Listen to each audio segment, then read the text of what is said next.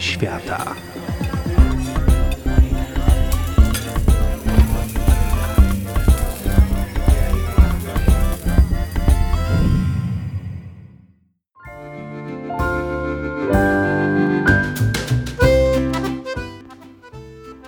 Dzień dobry.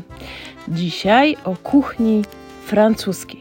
Ale kuchnia francuska to jest wiele kuchni. Więc porozmawiamy o kuchni z Lyonu.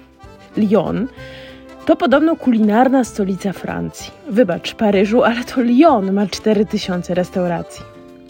Lyon położony jest między Paryżem a południową Francją, Prowansją słynną.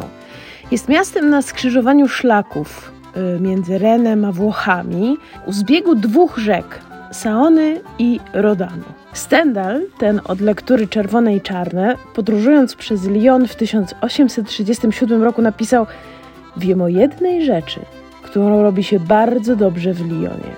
Tam je się wspaniale. I moim zdaniem lepiej niż w Paryżu. Szczególnie warzywa są przygotowywane w boski sposób. W Londynie dowiedziałem się, że są 22 gatunki ziemniaków, a w Lyonie widziałem 22 różne sposoby ich przygotowania i co najmniej 12 z nich jest nieznanych w Paryżu. Juliusz Cezar ufundował miasto Lugdunum, od którego pochodzi Lyon, e, w 43 roku przed naszą erą. Około 20 lat później Lugdunum zostało stolicą Galów. Więc nie wierzcie Obelixowi i Asterixowi, bo to jednak wszystko Lyon. Od XVI do XVIII wieku rozwinęła się tam produkcja jedwabiu. Najlepszym sposobem na zwiedzanie Lyonu jest zdecydowanie spacer, bo są tam i amfiteatry rzymskie, i wielka bazylika, i piękne stare miasto z kamieniczkami, w których liońskie rodziny mieszkają od 700 lat nieprzerwanie. Można tam też przemykać się przez tak zwane trabule, czyli tajne, zadaszone przejścia, które były używane przez handlarzy jedwabiem jako skrót przez miasto. Lyon jest znany ze swoich zabytków historycznych i architektonicznych. Został wpisany na listę Światowego Dziedzictwa UNESCO i odgrywa też istotną rolę w historii kina, ponieważ bracia Auguste i Louis Lumière wymyślili kamerę filmową właśnie w Lyonie. Jest tam też rzecz niepowtarzalna związana z gastronomią, tak zwane le bouchon. Bouchon, oprócz tego, że znaczy to po francusku korek, to jest to rodzaj restauracji, charakterystycznej tylko dla Lyonu. Bouchon serwuje tradycyjne dania kuchni liońskiej. Na przykład należą do nich flaki, ale również kiełbaski, liońska sałatka, pasztet z kaczki i pieczeń wieprzowa. W porównaniu z innymi formami kuchni francuskiej, na przykład z wytworną cuisine nouvelle, te dania są tłuste i mocno mięsne. Krótko mówiąc, tradycyjny i stereotypowy Polak będzie się tam czuł przewspaniale. Francuski pisarz Rabelais, e, który opublikował w Lyonie w 1532 roku e, powieść Gargantua i Pantagruel, przywołuje kuchnię liońską 1532, czyli jesteśmy w XVI wieku, cytując listę dań. Oto ona. Kiełbasa, kiełbasa, szynka, kiełbaski, ogromna pieczeń z dzika z sosem czosnkowym, podroby, frykadelki, kapony w białym mangierze, gulasz wołowy, flaczki, chrupki ze świńskiej skóry, dziczyzna, drób, jagnięcina nadziewana, karp faszerowany, sieja, ser aromatyzowany liśćmi brzoskwini, krakersy, makaroniki, galaretki owocowe, placki. Dzisiaj istnieje w Lyonie około 20 oficjalnie certyfikowanych tradycyjnych buszonów, czyli właśnie tych takich restauracyjek, ale dużo większa liczba lokali, y, która nie ma certyfikatu, określa się za pomocą tego terminu. Warto jest, chodząc po Lyonie, pobuszować trochę w poszukiwaniu buszonów i zjeść tam. To są takie restauracje, w których nie tyle mm, wytworne jedzenie ma znaczenie, ale fajna atmosfera. Y, zawsze mm, przychodzi właściciel, pyta co słychać, czy smakowało. Jest tam naprawdę niezwykle sympatycznie i tak zupełnie bez skrępowania i na luzie. Ponieważ Lyon był takim miastem na skrzyżowaniu, to miał zawsze do zaoferowania dobra z różnych stron świata. Oliwę, wino, mięsiwe oczywiście i sery. Wśród nich yy, na uwagę zasługuje danie o nazwie cervelle de canu, czyli w tłumaczeniu dosłownym móżdżek robotników pracujących przy jedwabiu. Choć kuchnia liońska jest bardzo mięsna, akurat to jest pasta serowa, która składa się ze świeżego sera krowiego, czyli fromage frais, zmieszanego z ziołami, szalotką, oliwą z oliwek, solą i pieprzem. To jest taki bardziej smaczny dip czy przystawka. Nazwany został hmm, trochę na cześć, ale trochę jako obraza robotników jedwabiu, którzy bezskutecznie prowadzili e, w Lyonie taki pierwszy ruch na rzecz poprawy praw pracowniczych na początku XIX wieku. E, dlatego, że to danie było czymś, co biedni robotnicy jedli na śniadanie. I elity, reprezentowane przez właścicieli fabryk, postanowiły ironicznie nazwać tę potrawę muszczkiem robotnika, kpiąc że oni byli zbyt biedni, aby jeść prawdziwe muszczki jagnięce, uchodzące za absolutny delikates i musieli się zadowolić prostym serem. Ale przepis dzisiejszy to nie będzie nic aż tak sensacyjnego, chociaż będzie to absolutnie pyszne. To jest danie nieco nietypowe jak dla Lyonu, choć często tam spotykane.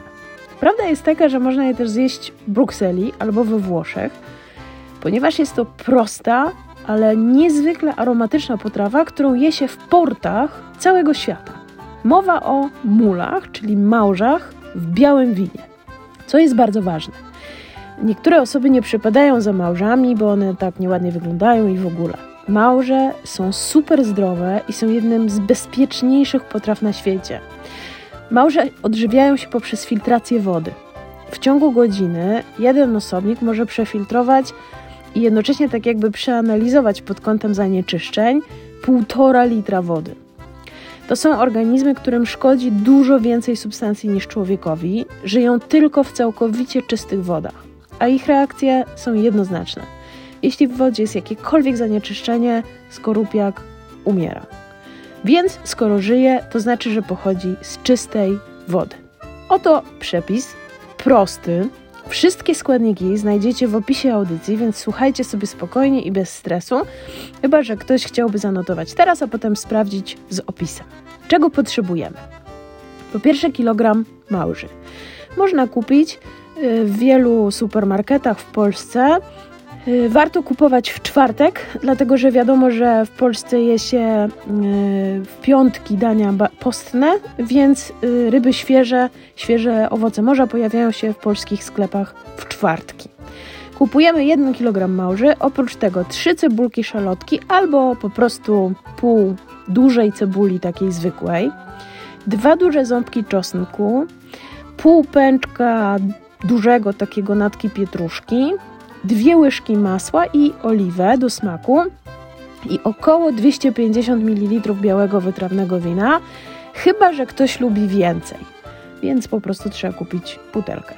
Pieprz, w razie potrzeby sól. Uwaga! Do podania warto zabezpieczyć bagietkę. Bagietka jest bardzo ważną częścią tej potrawy, jest w ogóle symbolem y, Francji, francuskiej kuchni. Istnieje kilka teorii na temat pochodzenia francuskiej bagietki. Według jednej z legend y, to Napoleon Bonaparte kazał piec chleb w takich długich, cienkich patyczkach, żeby się mieścił żołnierzom w kieszeniach. Inny z kolei mit mówi, że kiedy w 1898 roku rozpoczęto pracę nad paryskim metrem, sprowadzono robotników z całej Francji do pracy nad tym przełomowym projektem – no i ponieważ byli z różnych regionów, które nie zawsze się lubią, to z powodu gwałtownych sporów między różnymi grupami robotników, piekarze zostali poproszeni o stworzenie takiego chleba, który można połamać czy podrzeć, a nie trzeba kroić, żeby można było zakazać noży na budowie. Ostatnia teoria sugeruje, że ten kultowy chleb galijski był przyczyną rewolucji francuskiej. Ponieważ chleb był podstawą francuskiej diety, a chłopi buntowali się na widok szlachty jedzącej chrupiące białe bagietki w obliczu głodu ubogich mieszczan oraz chłopów. Coś w tym być może, bo nic tak cudownie nie nasiąka sosikiem jak świeża bagietka. Więc oprócz składników zabezpieczamy bagietkę. Najmniej przyjemną częścią tego przepisu jest mycie małży. Trzeba to robić w zimnej wodzie. Trzeba je wyszorować starannie, zeskrobać narośla, które mogą się pojawić na muszlach i oderwać tak zwane bisiory, czyli takie wodorostowate, włókniste nitki. Dokładnie trzeba je opłukać pod bieżącą, zimną wodą. Następnie cebulki trzeba obrać i drobno posiekać. Czosnek też obrać, pokroić w cieniutkie plasterki i natkę pietruszki umyć, osuszyć, posiekać. Najlepiej same listki, zostawić sobie łodyżki na jakąś inną potrawę, na przykład na pesto. E, możemy porozmawiać o tym podczas którejś z audycji, ale generalnie do tej potrawy lepiej używać samych listków. W rondelku o porządnym, grubym dnie trzeba roztopić masło na średnim ogniu, dodać trochę oliwy, tak trochę to nie jest wcale mało. Myślę, że to jest jakaś taka jedna czwarta szklanki, może nawet troszkę więcej. I w tym y, miksie zaszklić cebulę. Kiedy cebula będzie już przezroczysta, dodać, no taka nie przezroczysta, ale taka bardziej szklista, dodać czosnek i dać mu się chwilę podgrzać, ale uwaga, nie zezłocić. Jeżeli on się zacznie tak złocić, to niedobrze, bo wtedy robi się gorzki. Następnie wlewamy białe wino. Y, tu znowu w przepisie ja proponuję 250 ml, ale można odrobinkę więcej. To trzeba po prostu po przygotowaniu pierwszej potrawy uznać, czy było tyle, ile trzeba, czy następnym razem dodajemy więcej. Około 3 czwarte tej posiekanej pietruszki, resztę sobie zostawiamy do dekoracji i zwiększamy troszkę ogień i doprowadzamy to do wrzenia. Kiedy sos już zaczyna pachnieć niebiańsko i bulgotać, szybciutko wrzucamy małże i pod przykryciem gotujemy przez 5-6 minut na dosyć dużym ogniu. Muszle się wtedy pootwierają i tak ma być. To mięsko w środku może być pomarańczowe, może być szare, to, to troszkę zależy też od gatunku, ale nie należy się tym przejmować za bardzo. W trakcie gotowania warto ze 2-3 razy delikatnie potrząsnąć rondlem albo ostrożnie, ale dość szybko, tak żeby nie popękały skorupki, przemieszać dużą łyżką, żeby małże się gotowały równomiernie, ale też żeby ten sosik, cebulka, wszystkie małże nam ładnie obkleiły. Zestawiamy z ognia yy, i wyrzucamy te mule, które się nie otworzyły. Jeżeli takie są, to przy nakładaniu do talerzy czy do misek warto yy, je usunąć, bo one są wtedy nie, to są te, które nie należy jeść. Posypujemy nasze wspaniałe, piękne, dobre mule pozostałą natką i natychmiast podajemy. Oczywiście z chrupiącą bagietką, połamaną, a nie pokrojoną. Bon appétit! Będzie Wam bardzo smakowało.